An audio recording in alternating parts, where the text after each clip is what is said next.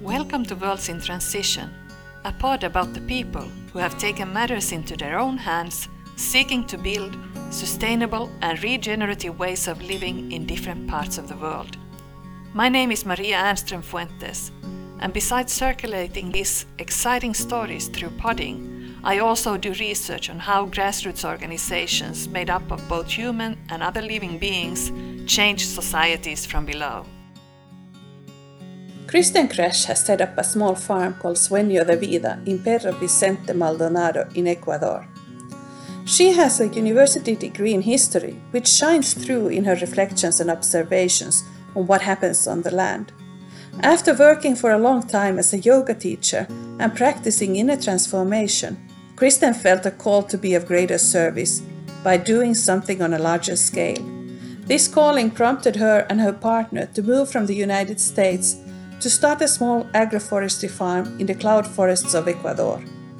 Kristen's vision is to set an example of how to do regenerative farming in tropical ecosystems by reconnecting to the ancient indigenous ways of living off the land and reintroducing methods that were stolen from the people during the Green Revolution in the 1960s and 70s. She says that to do this, you have to be able to create a sense of economic and environmental security for the people living off the land. Drawing on her insights about the history of collapsed civilizations, what Kristen means is that how we produce nutrient dense crops that can feed people is central if we do not want to repeat the mistakes of the past. She wants to make clear that farming based on grazing animals is not always the best regenerative solution for the land. Rather, what kind of regenerative systems that should be put in place are highly dependent on where in the world the system is located. In her location, she believes that the system built on syntropic agroforestry practices, where you combine heavy tree pruning practices with other locally adapted agroecological systems, will bring remarkable regenerative results like when you're talking about agroecology, it's all about the movement of people over land and how people have domesticated landscapes according to their needs over time. And if they did a good job, they had sustaining and long lasting societies. And if they did a bad job, if they ripped out all the trees above a river for, for, for some reason and caused to build a palace and they caused a big flood, then the society, you know, it dismantled, it fragmented, it just, it, you know, what we call collapse. But I mean, yeah. I, I have like a lot of kind of notions about historical collapses, not so much being collapses as just sort of like refragmentations. Here in, in Ecuador um, and all throughout the Amazon, um, it's a really amazing place to be involved with agroforestry because we're really in the cradle of agroforestry here. And the a lot of the um, archaeology and history that I even learned in college, which was, you know, 25 years ago now, because I'm 45.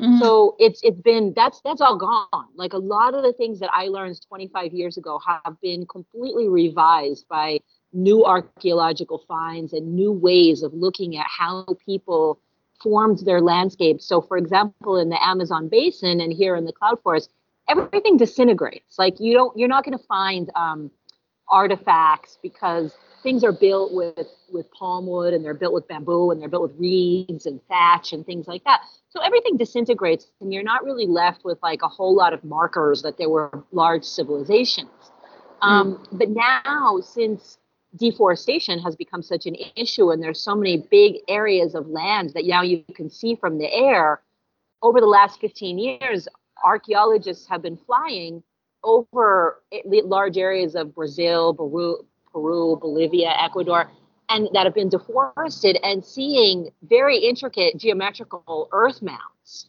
Now they mm. can see them. Mm. And they're like, "Hey, what is that? What is that down there? I've never seen that before." And they're, you know, they're so excited. And they go in and they start digging around and they find burial mounds and they find millions of pottery shards that no one knew was there. Um, yeah. Simply because the people that lived in the in the rainforests and cloud forests didn't build monumental architecture. What they built were monumental earth mounds to get above the floodwaters in the winter and have places to live while you know while the Amazon was flooding and during the rainy season. And now this is what we can find. And so mm. it's fascinating because the the areas that we assume would be the most degraded or the most like not in good shape from having large human habitations on them. They're saying if you look at the amount of earth that needed to be moved to build these earth mounds, these causeways, the fish traps, the trenches, um, the raised garden beds, all the things they built, you're looking at this is the work of thousands of people. This is not, these are not small shifting nomads. These are people that dug in and they settled here and they built you know fairly like very monumental earthen architectures for them to be able to live there and so ha- when you look at those areas you would think they would be the most degraded but they're actually the areas that are the most lush in terms of the species diversity of plants yeah. um, the reason why there's 180 or 138 edible species in the Amazon rainforest is because people planted those things. They were very smart and they were very clever and they selected seeds and they selected fruits and over generations and over hundreds of years, they replaced areas of forest that perhaps didn't have edible species or didn't have good building material with more species that were usable by them. Mm. So it was, um, I mean, now like, you know, they vary in the estimates, but there are there are there are like very well known historians and archaeologists now that that will place bets on that up to 20% of the Amazon rainforest is actually man-made, that it was it was planted. Um, well, that it's basically a, a, a, giant orchid, a giant well, tree orchid. Like on our farm, next to our farm, we have monocultures of heart of palm. It's one of the biggest exports of our area is the heart of palm monoculture. People think, my God, like how much heart of palm do people eat? But heart of palm is you can only grow it in a very very narrow belt around the equator, and so it's like you know you can't grow it in very many places, and so it grows very well here. The the palm tree that grows the, that you can extract the heart from.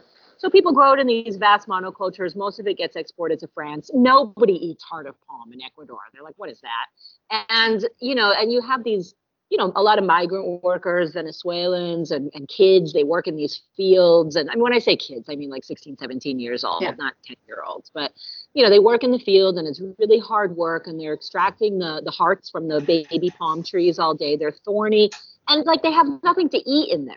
It's, it's, a, it's, that to me is like, it's such a tragedy. Like you have a, a, a, a 200 hectare farm growing one thing that nobody has anything to eat so they have to bring in their little containers of rice and tuna and you know it's it's ridiculous. And and the real interesting thing about that is is i'm i'm on like a little bit of crusade now to let people know about this is that when the heart of palm tree it's called the uh the, it's a chonta. Chonta just means palm. Mm. when it matures when it's allowed to mature up to three years it produces a fruit called peach palm fruit or chontaduro or pejibaye in peru and costa rica and it is a superfood. It is one of the most mm-hmm. nutritious things you can eat. It's not a sweet fruit, it's a starchy fruit. It's full of beta carotene. It's oily. It has protein. It's kind of more like an avocado than a, you know, a sweet fruit. And it can produce up to 20 tons per hectare per year of this super nutritious food that can also be processed into flours and can be dried into chips and can be used in, in multiple ways. And no one is eating it because they're all just in there taking out heart of palm. So anyway, so it's extracted for this very low calorie, low nutritious thing, and and it, we could actually be growing the the chonta tree as a, a, a producer of a mega nutritious food. Um, and a perennial and it could, well. and a perennial and it could all and it, yeah it produces for 70 years. It produces crops twice a year and every bunch of fruit is um, about 25 kilos. So we're talking about a massive amount of hyper nutritious food that could be produced in these palm, these monocultures that are producing heart of palm. Um, and it can also be uh, very well interplanted with a lot of other, like in a multi-strata system, because it's a very tall palm tree.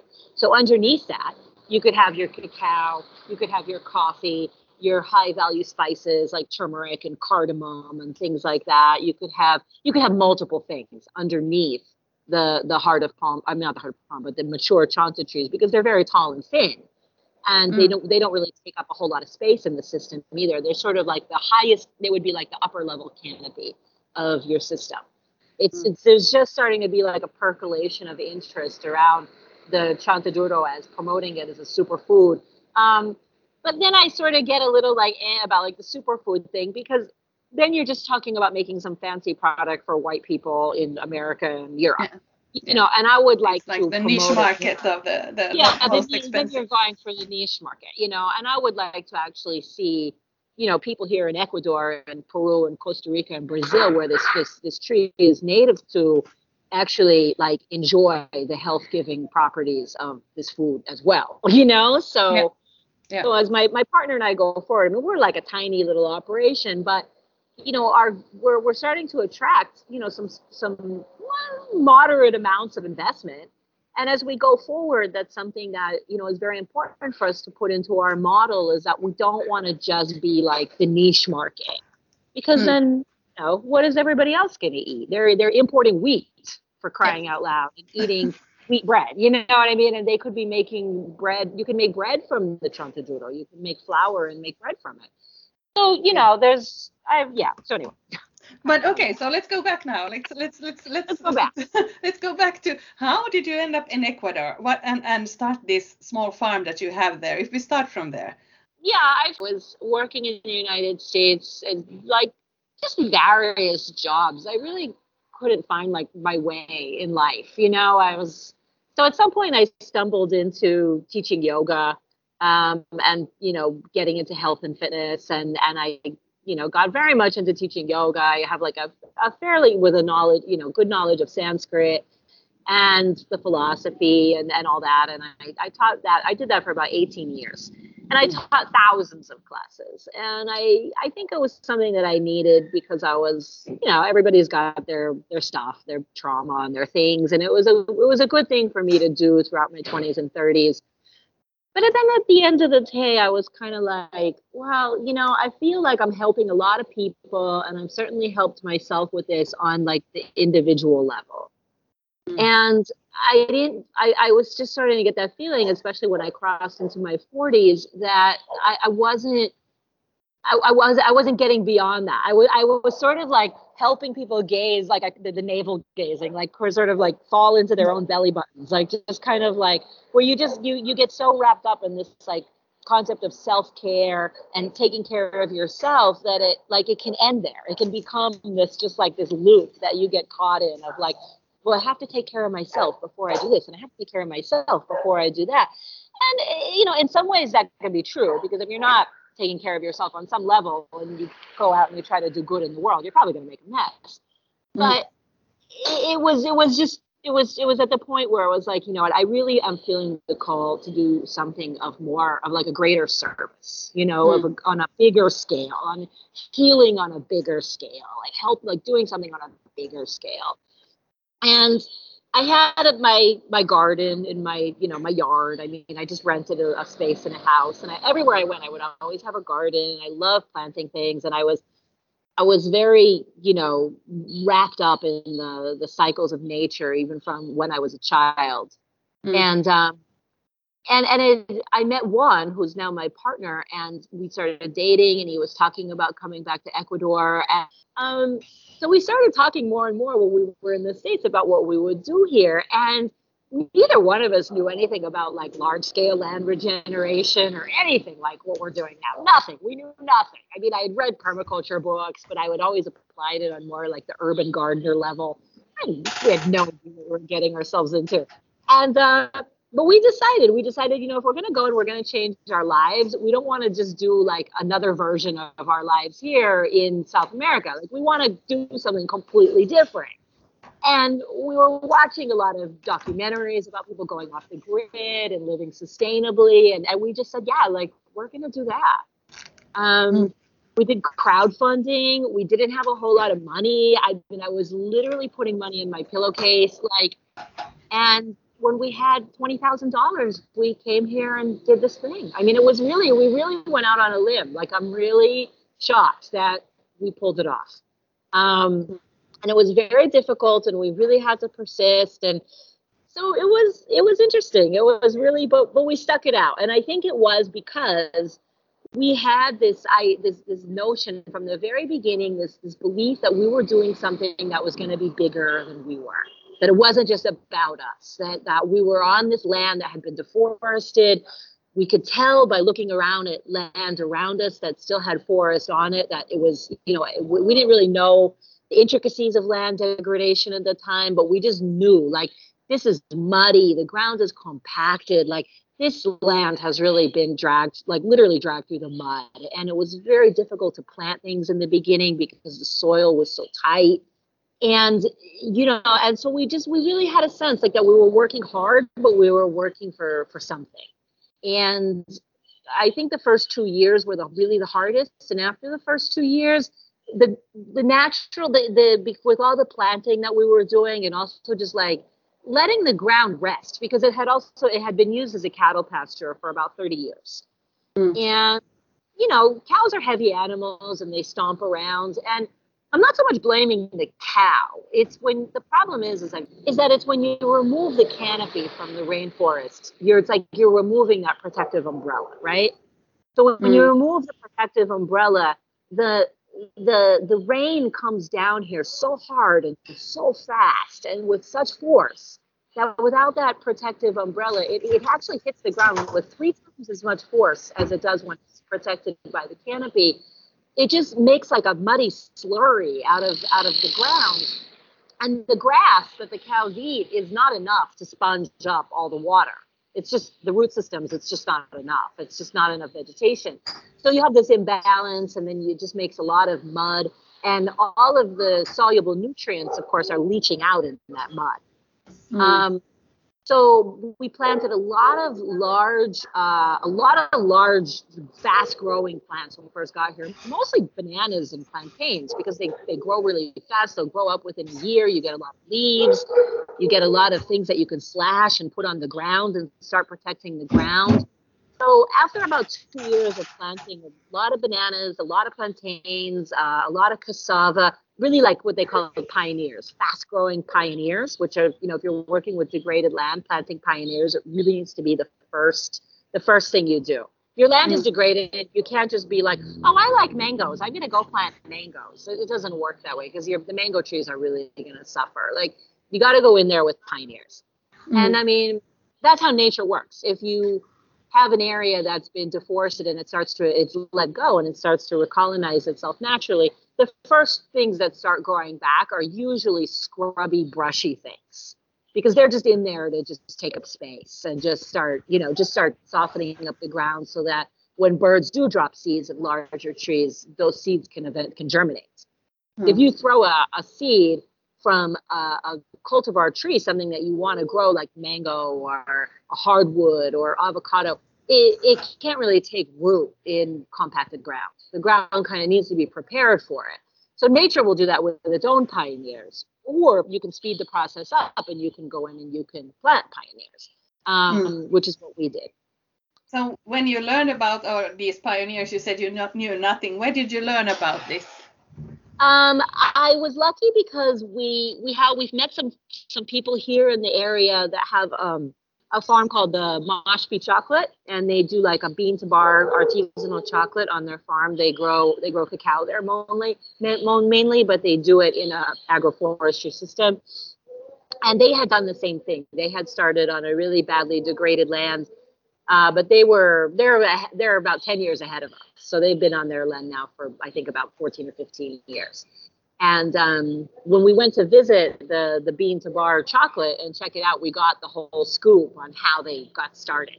And at the time, we were just getting started, so I was full of questions. I was like, "Where do you start?" You know.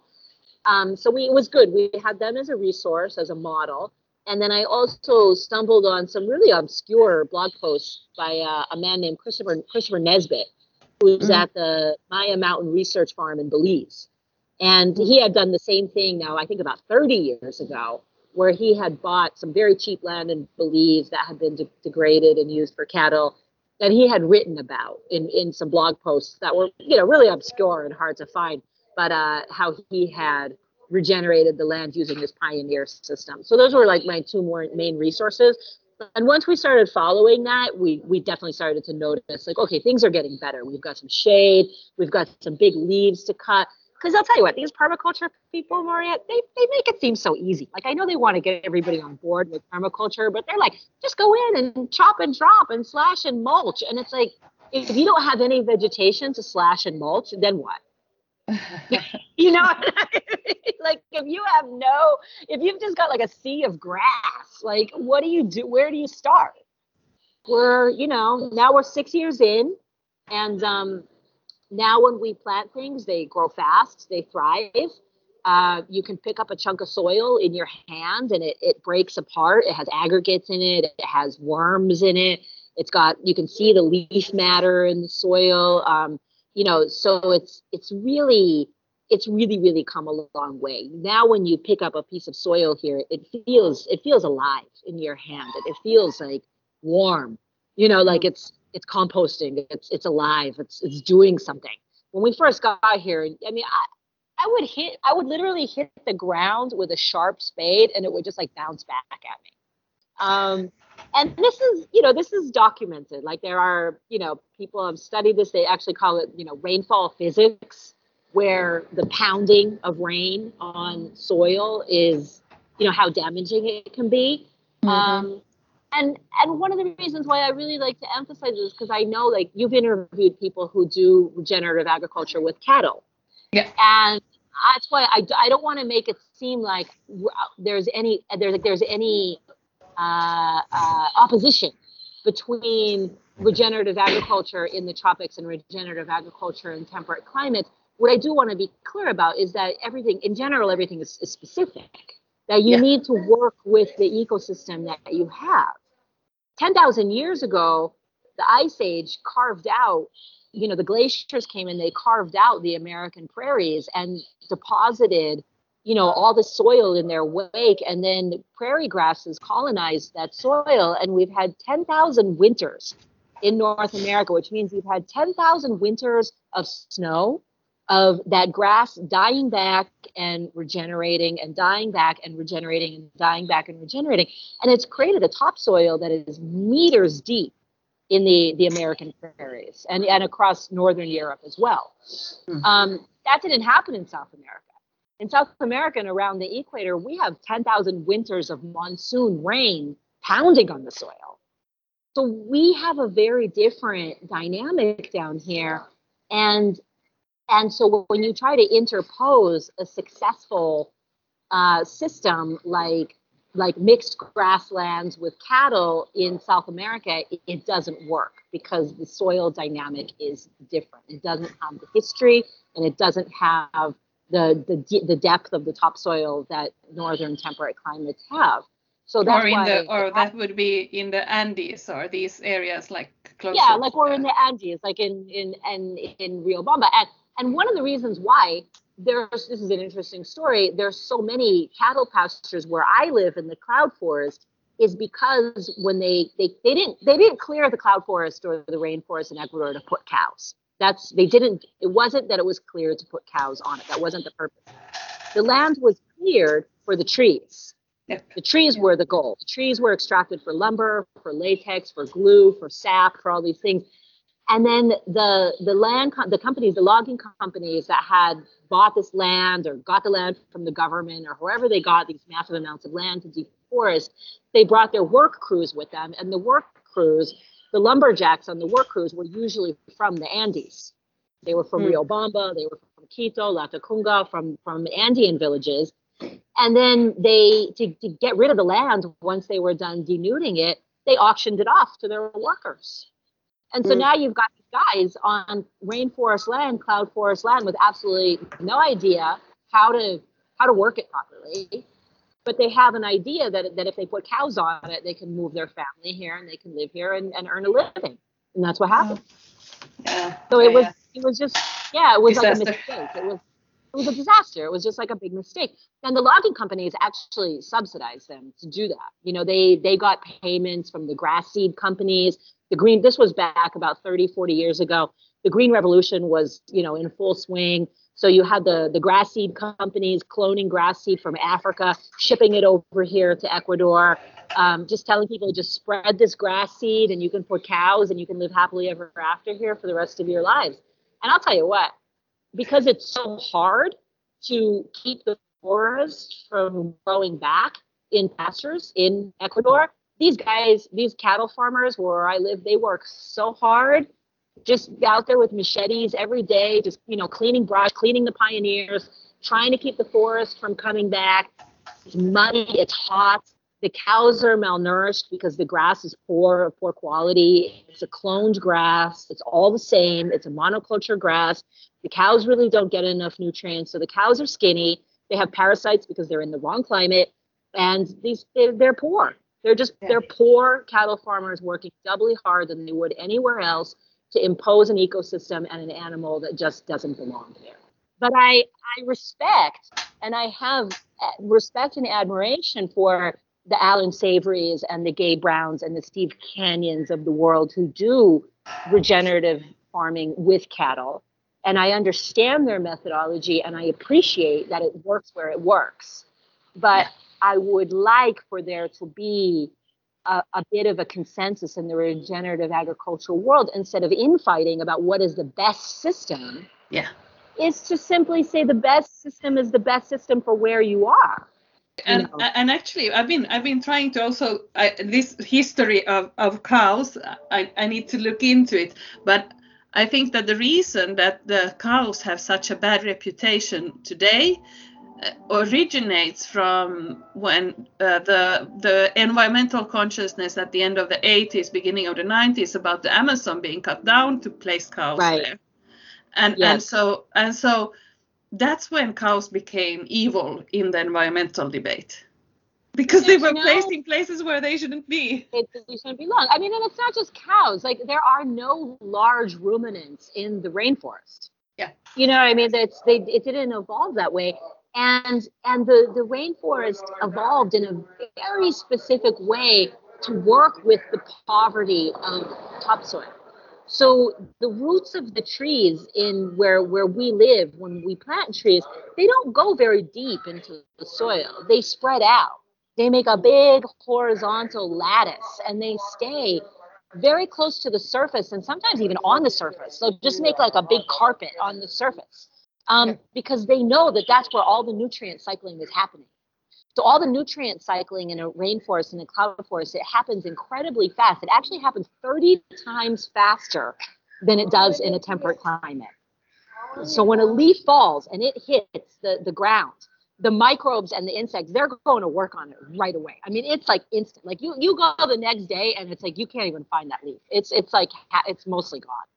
Um, some trees have evolved differently to go very deep, and they'll just have one big single taproot that just goes all the way down to bedrock and then can mine the minerals out of the bedrock bring it back up through their leaves and then those of course those leaves fall and those leaves are very mineral rich and they fall on the soil and they'll provide food for the, the, the rest of the plants you know? So it's a very um, intricate and very fertile system in its own way but it needs to be respected and you need to really understand that like the fertility of the rainforest it's really on this like as uh, some plant botanists have described it it's on the razor's edge of fertility where if you take away one element which the canopy is the most important because that's what protects everything else and that's what feeds everything else with the leaf fall when you take away the canopy everything else just falls like dominoes.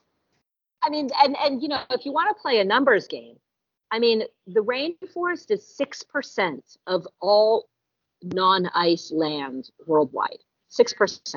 The cloud forest is even smaller biosphere. It's only 1% of all non ice land worldwide. Rainforests and cloud forests support 50% of the species on the planet. So we're looking at 7% of land globally supporting 50% of the species. And you can bet your butt a lot of those are animals. You know, they're just not large ruminants. But we have, you know, you know, so I really, not only that, but the rainforest provides 22% of rainfall worldwide. Yeah. So we've got 7% of landmass providing 22% of our precipitation. We have we have mist here now that we didn't when you look at our our, our lot our land from a distance and it's we have three hectares but we manage 12 more on behalf of people who have joined us and you know um, bought land in the area and also started regenerating it so we're at 15 hectares of land which is about what is that about 38 acres 30 40 acres Mm. um, and you know just this small localized area of regeneration now is is is causing more precipitation and more mists over its general area. But i mean according to something that i just read the foresight brief by the um, united nations now they're the climate scientists are able to recognize what they call teleconnections winds prevailing winds that also pick up precipitation clouds and move them vast distances around the world. So there's a there's a direct relationship between deforestation in South America and the drought and the heat wave that now is hitting Canada and the Northwest United States. Um, so my you know so because my the reason I'm, I'm talking about this is because with the the regenerative agriculture people on the grasslands like you know they, they, a lot of some of them will be like but this is a numbers game. Like we don't have time to mess around with like 7% of the land. Like we, need to you know we need to sequester carbon on a huge scale and grasslands are 40% of the environment of, of the land mass so this is where we really need to focus our efforts and and i'm like okay you know fine like you're the majority so like you want to have your point that you have the majority of the people the 70 billion cattle on your side and 40% of the land mass on your side but please understand that there are relationships between what's happening in the rainforest and what's happening in saskatchewan canada where there's a Yeah. lot of cows Yeah. you know what i mean so if you want to keep having grass for your cows please acknowledge you know the struggles of the agroforestry growers in South America and what we are trying to do here just as I'm acknowledging and respecting what you're doing Uh, so, so I think that the rigid boundaries are loosening up because you have so many new people coming in that are looking at it from a perspective that they have never inherited anything of, of, of the past. So also So- that I think influences that most uh, traditional farmers they well they inherited the plow or they inherited the pesticides or they inherited and Mm. and from there to move on uh, the cows is a natural way to move on I think. Right. Yeah, I mean, you know, and I think like for us, you know, to bring it a little bit more to like a personal level about what we're doing here. I mean, we we uh, one of the uh, uh, investors, someone who bought a land next to ours, it had a monoculture cacao farm already on it, and it's uh, two hectares. It's uh, 1,300 plants of uh, monoculture monoculture cacao. And you know it's we're we're, we're kind of like well what are we going to do with this? Because it's a monoculture you know he wants us to manage it for him and uh, you know extract the cacao. And we've been managing it for about three years and so we took out a lot of the trees that weren't as productive that were overcrowded that weren't looking so good we replaced them with citrus trees or banana to create a little bit of biodiversity um, we stopped using the, the, the former owner was using herbicides on it all the time anytime any little bit of green grass showed up in between his cacao trees, he was spraying it with herbicide. Uh, he was using fungicide on the fruits. So the soil life was just dead. I mean, the soil was gray. It was in really bad shape. And um, so the first thing we did was we just stopped spraying, obviously, and let the ground cover plants, the grass, and all of the the. And a lot of those ground cover plants are very nutritious. We have a, a ground cover plant here called Ortiga, which is very high in iron. So if you slash it and you leave it on the ground, it, the plants can get minerals from it. Um, we pruned very carefully, which was a big problem because the, the plantation had never been pruned. And I, I hired some local kids to come in and help me out in the plantation with the pruning. I mean, they're like 18 years old. I call them kids. And the first thing they asked me is like, well, why don't you just spray it? You know, why don't you just spray this? Why don't you just spray that? You know, because that's what that's you know that's where they're coming from. They're coming from like their fathers probably use herbicides or you know whoever else they work for uses herbicides. And I said, well, we're we're just trying something different.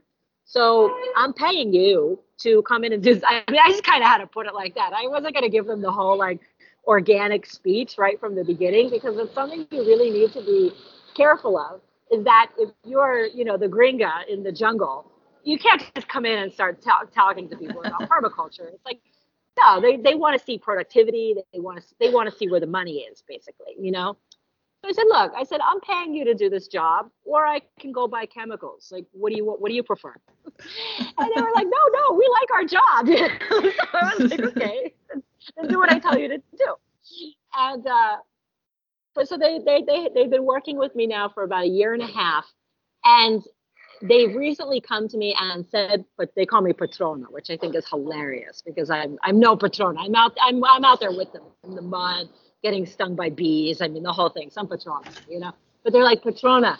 The cacao is like there's an explosion of cacao. Like we're just harvesting all the time. We have huge tanks of cacao now lined up outside the field fermenting.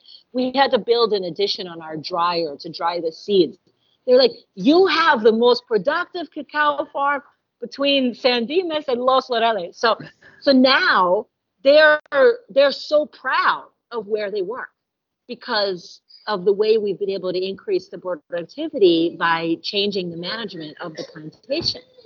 And about six months ago, when I saw them to start getting impressed because the harvests were getting bigger, the you know they they were I was able to pay them a little bit more um, they they started listening to me, and I started being like, okay, now look, instead of putting fertilizer on the ground, we're just going to go with machete and we're going to slash these plants. These plants are called ortiga, and these plants have a lot of minerals on them. We're going to leave these plants on the ground. Instead of using a chemical fertilizer, which is really expensive, the cacao trees can eat this instead. And if you if you come in on the ground level and you work with the local people and you don't try to push an agenda about being organic or being permaculture right from the beginning, but you just sort of shrug off, you know, their suggestions about pesticides or herbicides or fungicides and do what you believe is going to work. When they see the results, they will start listening to you you know yeah. and and then now like these these locals they're they're very curious about what Juan and I are doing here and why our cacao farm is has, is so productive. We've been here five five years now, and but we've been working with this particular cacao farm for three years. You know, and they say they also they also say like it's much nicer. To, we really like to work here. It's much nicer to work here with the plants than to work with spray bottles of chemicals. Of course because they they know that that's poison. They're not yeah. stupid. I mean, you spray that stuff on the ground, the ground turns black. So in terms of people inheriting things, like you were talking about, like inheriting yeah. Opinions, inheriting beliefs, inheriting ways of doing things, the best way to convince someone to uh, that uh, an alternative method is better is to show them. Mm. Yeah. But what about the other yeah. uh, landowners uh, next to you, the other farmers that are around there? How are they reacting to what you are doing? Um, like like I said, like now they're curious. Uh, because I think my my workers are starting to spread the word about the you know the the Gringa Patrona and her her crazy explosion of cow going on at her farm, and you know they're now they're curious. Um, I think before they were, I, I, would say, politely dismissive. If I would say that they'd be like, oh, yeah. I mean, Ecuadorians in general are very polite. So they'll just be like, I'll be like, well, we're not using herbicides. I'm trying something different. They'd be like, oh, okay. Oh, yeah. You go do that.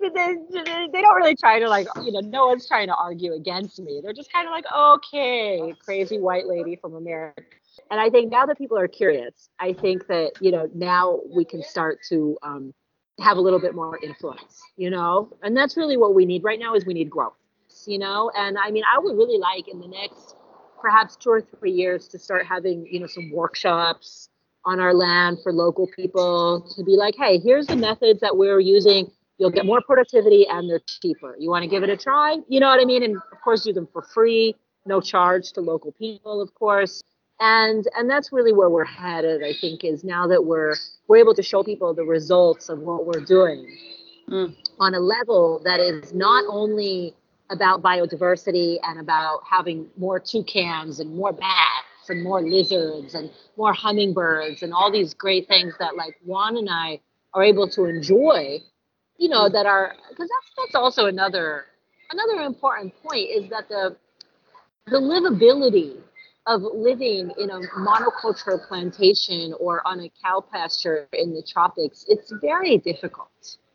You know, mm. you're you're surrounded by mud, heat, mosquitoes. You know, hmm. it's it's much more comfortable to live in a biodiverse agroforestry farm than it is to live in a monoculture or cow pasture. Mm. Um, and I think that that's also something that you know, because uh, I, I have to say, it, it, it, it fascinates me to some level because I know that the people around us too, they've been living on, on land in a rural area for most of their lives and they, they love nature. I mean, they these are people that they swim in rivers and they go to natural cascades and they they love the birds and they love to talk about when they see a, an iguana and but it's so the irony of it is that they're also like they're working with the chemicals that also kill those things. Mm. So I think if like they have an opportunity to see that you can have a, a much more diverse and natural and pleasant way like place to live and you can have a hyper productive cow, farm and you can have things to eat you know coming from your farm then I think like there will be there there will start to be more of a, an appreciation of it. Um, but you have to really impress people on the level of that like they're not going to go broke. They're not going to be poor. You know what i mean? If they if they're they try this you know that we're not just like hippies living in the forest that we're doing something very deliberate that was that was really the system of their ancestors of their their grandparents their great grandparents you know, use these systems of agroforestry. And that, like, they've been robbed of their systems. They've been robbed of their own heritage by Green Revolution propaganda. Uh-huh. You know, uh-huh. and and and and I have like a little bit of like a guilt about it, I was like my, you know, whatever you want to call it, like white guilt. Like I don't know white guilt, but it, it is. There's a little bit of like that thinking of like, man, and like now here I am, and I have to like I have to show people what has been taken from them by like other white people. it's, like, I can't believe this, you know, like I can't believe this is happening. Um, Ecuador is quite known for its uh, protection of the indigenous rights and the Buen Vivir movement that started from there. And there's like a lot of revitalization on the indigenous side of things. How much are you connected to that in the area where you are? Can you see that also there, or is it in other areas? You know what? To some extent, and that's what I was talking about, like with like the, the like the kids who work for me. When I start talking about the you know, putting banana leaves on the ground to shade out the, you know, the weeds. Well, not really weeds, but like just the plants that you don't want you know, like uh, one of them will say, "Oh yeah, my that's what my grandmother does." Yeah. You know, so there at some point, I think maybe like in their their parents' generation is when there was like this disconnect. And I think it was like in in this definitely in the 60s and 70s, which is when like the green revolution chemicals really hit South America. So they still have like a direct family connection to using, you know, more natural methods. And, you know, when we use these words like mid strata and, you know, canopy and pioneer, like, you know, because those are the words that like we use because of people like Bill Mollison and Ernst Götsch, but they have their own words for these things. You hmm. know I mean? Like they have their own their own terminology. Mm. And I think understanding that the terminology that the indigenous people use is it's just as sophisticated and it's just as systematic as the way that like European people have codified it I think is also really important. Mm. You know, mm. they might have a different way of putting it, but it's the same thing. So these European guys who have named these systems permaculture and syntropic agroforestry, they learned what they learned in tropics and subtropics. They didn't make it up. They learned from the indigenous and then they attached uh, vocabulary and words to it that other Europeans would understand. Um, so you know, I just I think it's it's really important to be humble and to have respect and to you know if you're going to learn like from the indigenous systems to just understand that it's like they're not doing it they're they're they're basically the they're the founders you know mm. and that's like to kind of go back to the beginning of the archaeology of yes. The, the new archaeology of the amazon basin is that pre-contact with columbus I mean, all of these old orchards now that they're, you know, the 138 species that are of food in the rainforest. I mean, these were these were planted, you know, these have been cultivated. The the the uh, heirloom cacao in Ecuador has been cultivated for 5,300 years. Mm. Manioc has been cultivated for 8,000 years. Uh, plantains and bananas were selected to basically not bear seeds, but to become like a fruit that you could eat the entire thing 4,000 years ago. I mean, yeah. of course, we have continued to modify and, and select like since then. But a, a lot of the basic groundwork of seed selection and plant selection was done even was done way before Columbus. Mm-hmm. Um, so I think that you know it's really important to to be humble, to to educate, to be to allow yourself to be educated by you know the work that other people have done and have passed on for millennia, and also to understand how to that it is important. I think also for people like me and and Juan who's had who have exposure to you know the developed world and to the United States and Canada and Europe to to be able to translate these ideas in ways that are like real and actionable and that people can invest in it and that people can you know understand that what they're doing is not just creating like economic return for themselves but is also investing in the future it's investing in their children it's investing in in in rain in canada you know mm. what i mean you're mm. investing mm. in in the northwest united states not experiencing heat waves you're investing in Mumbai, the people in Mumbai not living in, in 60, you know, 50 degrees Celsius. Um, that there's there's a broader way to look at the investment of it, but that also that regenerative agriculture and in particular agroforestry systems can yield large amounts of hyper nutrient dense food. This is something that I really want to be clear about with our project going forward is we we've acquired now um, the management of uh, 12 hectares next to us, which is a heart of palm plantation. Mm. So over the next few years, we're going to be converting that into a multi a, a multi strata polyculture highlighting peach palm as mm. as like star output.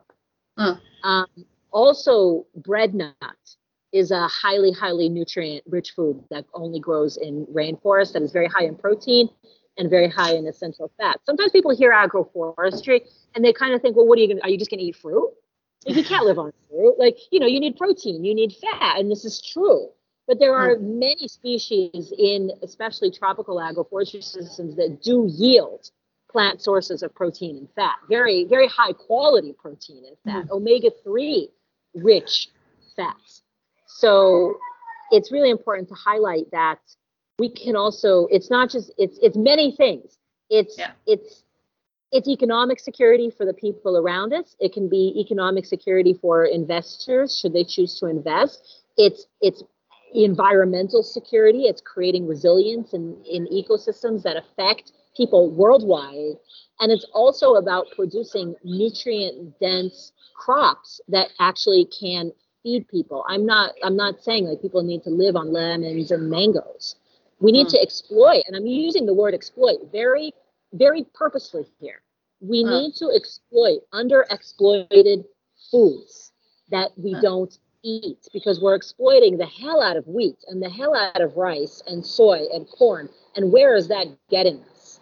The crops that I'm naming, peach palm, breadfruit, uh, the sacha inchi nuts, Brazil nuts. These are perennial systems that fertilize themselves. You know, and if especially if they're grown in polyculture uh, situations, they do not need fertilizer. If yeah. they're grown in polyculture situations, meaning where they're not overcrowded, they will not be plagued by pests. There was a civilization called Cahokia in the American bottomlands, which was uh, like around where St. Louis is today. And it was a very, uh, they had very fertile soil. They were able to grow a lot of corn. They also had a lot of um, hickory trees, like I said before, uh, eastern chestnuts, and it was it was a very um, abundant area for foraging, for fishing on the out of the Mississippi River, out of the rivers there. And so population there grew quite naturally, and there was a, a pretty large scale population around this area called Cahokia. Of there's things it was somewhere between 15,000 and 25,000 people, which back then was that was a big town. Um, and what happened was the as this population grew, the society became a little bit more hierarchical, and people seized power and decided they were going to build a big palace for themselves. And that's exactly what they did. Was they cut down a whole bunch of trees at the uh, at a very critical juncture point of two rivers, and then when all the trees were dislodged, the rivers became clotted with mud, and those were the rivers that the Cahokia uh, settlement was using for its water. And they had flooding and it was terrible. And you know the whole the, everything just broke down after that. The whole like tiny, the whole small society collapsed. Mm-hmm. um, so i think like looking at these examples of from history of of the the sort of like the what happens w- within civilizations when they become hierarchical? Why do civilizations become hierarchical? What happens when a an elite seizes power and starts to impose you know policies on the people below them and then there's inevitably usually some sort of collapse? But looking at these these historical examples as mirrors and being like yeah we're this is exactly what we're doing on a on a larger worldwide scale. We're extracting resources at will giving willy willy-nilly thought to the consequences and and and and what where are we headed with this you know what's going to happen mm. i personally think that based on historical examples, we're going to move towards a radically fragmented, more simplified society. Whether or not that's a good or bad thing is anybody's is anybody's opinion. Um, but I I'm making it like one of my goals right now in life. We started with like sort of the being the yoga teacher to having the the bigger impact, right? Mm. Is to be one of the people during this fragmentation with the knowledge to say, hey, you know, as as as things as things fall apart, as ent- you know, as we as we entropy, like what can we use to syntropy? Like, mm. what are the residues of the society as it dismantles, right? What can we pick up and start to put back together in a better way? Mm you know and I, I think learning the lessons from history from and that's you know that's one of the fascinating things about as they get into more of the archaeology of amazonia uh, anna roosevelt of the field museum she she wrote a book called mound builders of the amazon uh, many years ago that was one of the kind of like the, the, the beginnings of this and it's so interesting because she was she was going against another archaeologist at the time named Betty Meggers, who was very famous for her theory of ecological constraints. Betty mm. Meggers believed that people in the rainforest could never evolve beyond a certain level of society because living in the jungle is just basically too hard. It's just it's it's it's oppressive. You can't grow things on a large scale. There's no room for large scale agriculture. That's why we don't find any monuments here. That's why we don't find any any you know uh, texts or laws or things from Amazonia because it's just basically like a, a wasteland where people have to be nomads and move around in small tribes. And now we know that's not true. And Anna Roosevelt, her her look at the history of the Amazon as like, no, we know there were large amounts of people here. Look at these earth mounds. This this took thousands of people. Look at look at the causeways. Look at the fish traps. Look at what they left behind. This is a large society. What what can we learn from this? And her her thing, her belief is that the reason why the societies in the Amazon were able to be so sustaining is because they inherently had to be more egalitarian. And the reason why that is, her theory that a lot of other archaeologists and historians have picked up on, is that if you didn't like it, you could leave. You could get in your boat, float a little while down the Amazon, and homestead somewhere else. You had fish and you had trees that gave you fruit that your your your grandmother and grandfather and their grandmother and grandfather had planted hundreds of years ago and so there was whenever there was a situation where perhaps there would be a power grab the society would say no we don't really like this anymore we're going down the river we're going to set up camp down there Hmm.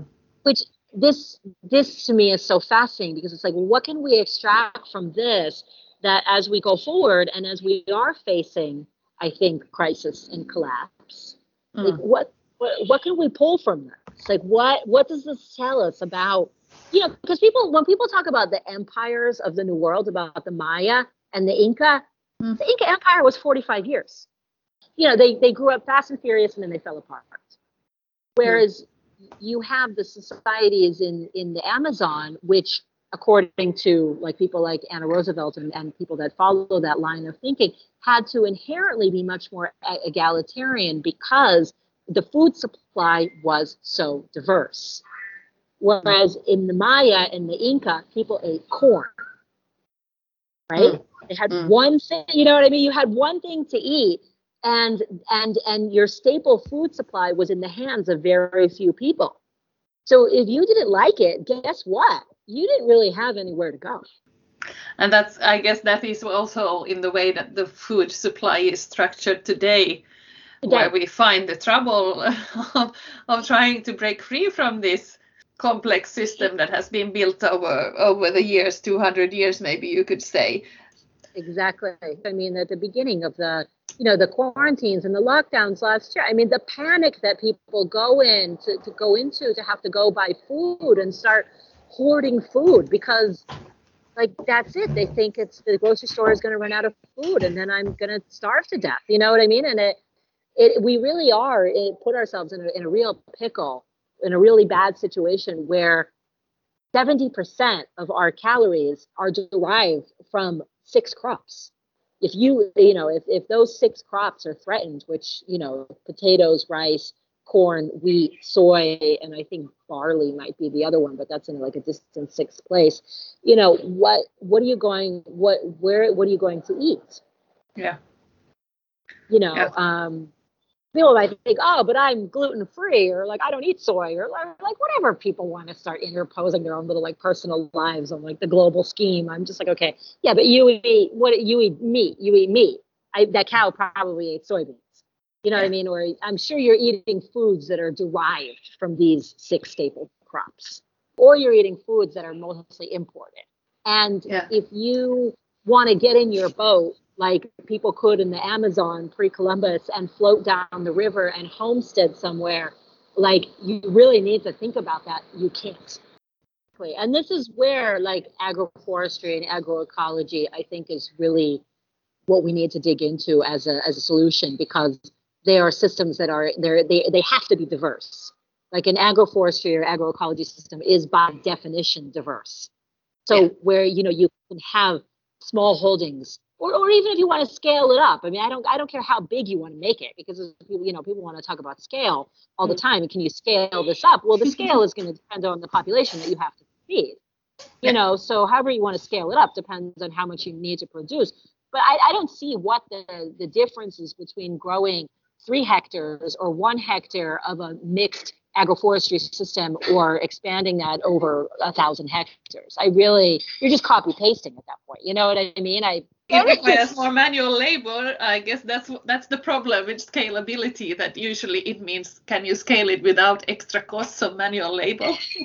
I get where you're going with this, but like the point is, is that that bottle of Miracle-Gro also it, there's plastic involved. There's people involved in processing plants. There's people in factories. There's machines in factories putting the chemical in the bottle that eventually ends up in the store. There's trucks that take the bottles to the stores. There's people working in the store that sell it to you.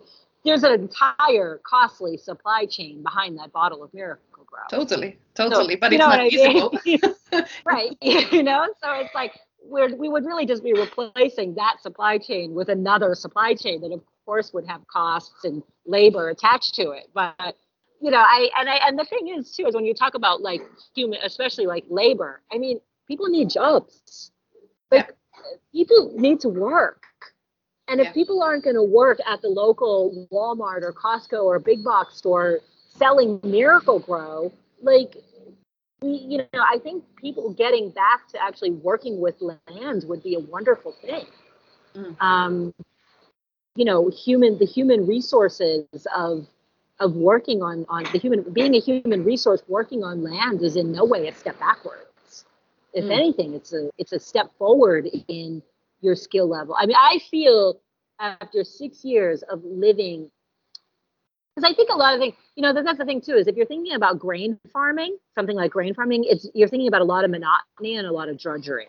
Plowing and seeding and harvesting and everything happens at the same time of year and like blah blah blah and it's always the same and it's it's very monotonous. There's a lot of drudgery involved.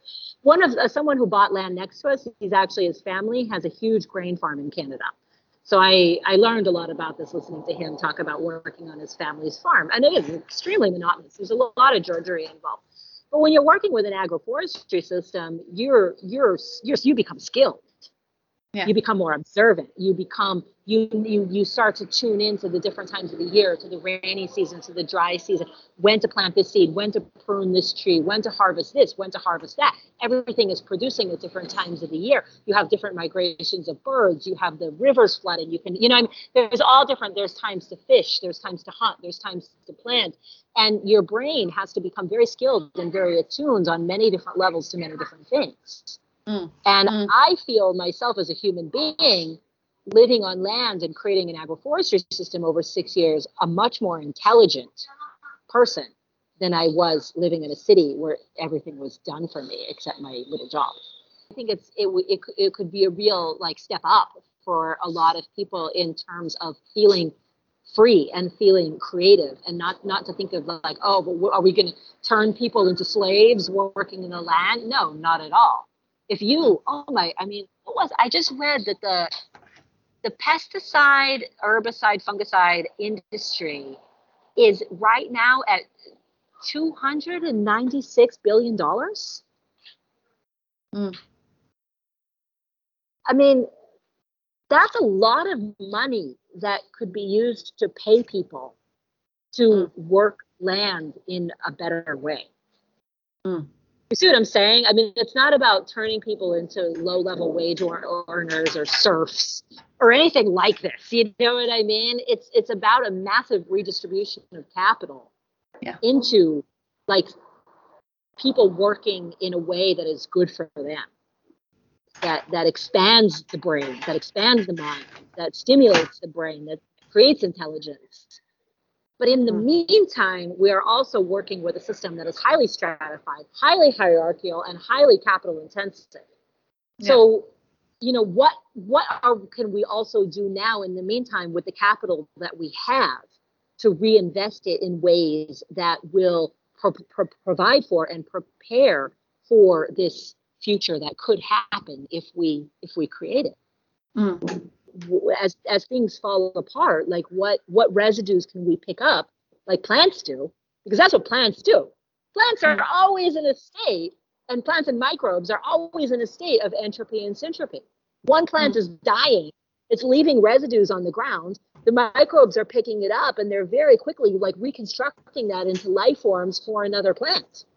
So we need to see ourselves right now as those microbes extracting the residues of our you know dying civilization right to bring life to another plant that has a chance mm. Mm. yes and i think that is a perfect place to stop thank you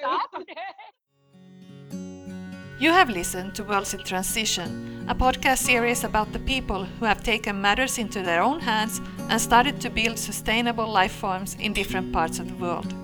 My name is Maria Ehrnström Fuentes. Thank you for listening.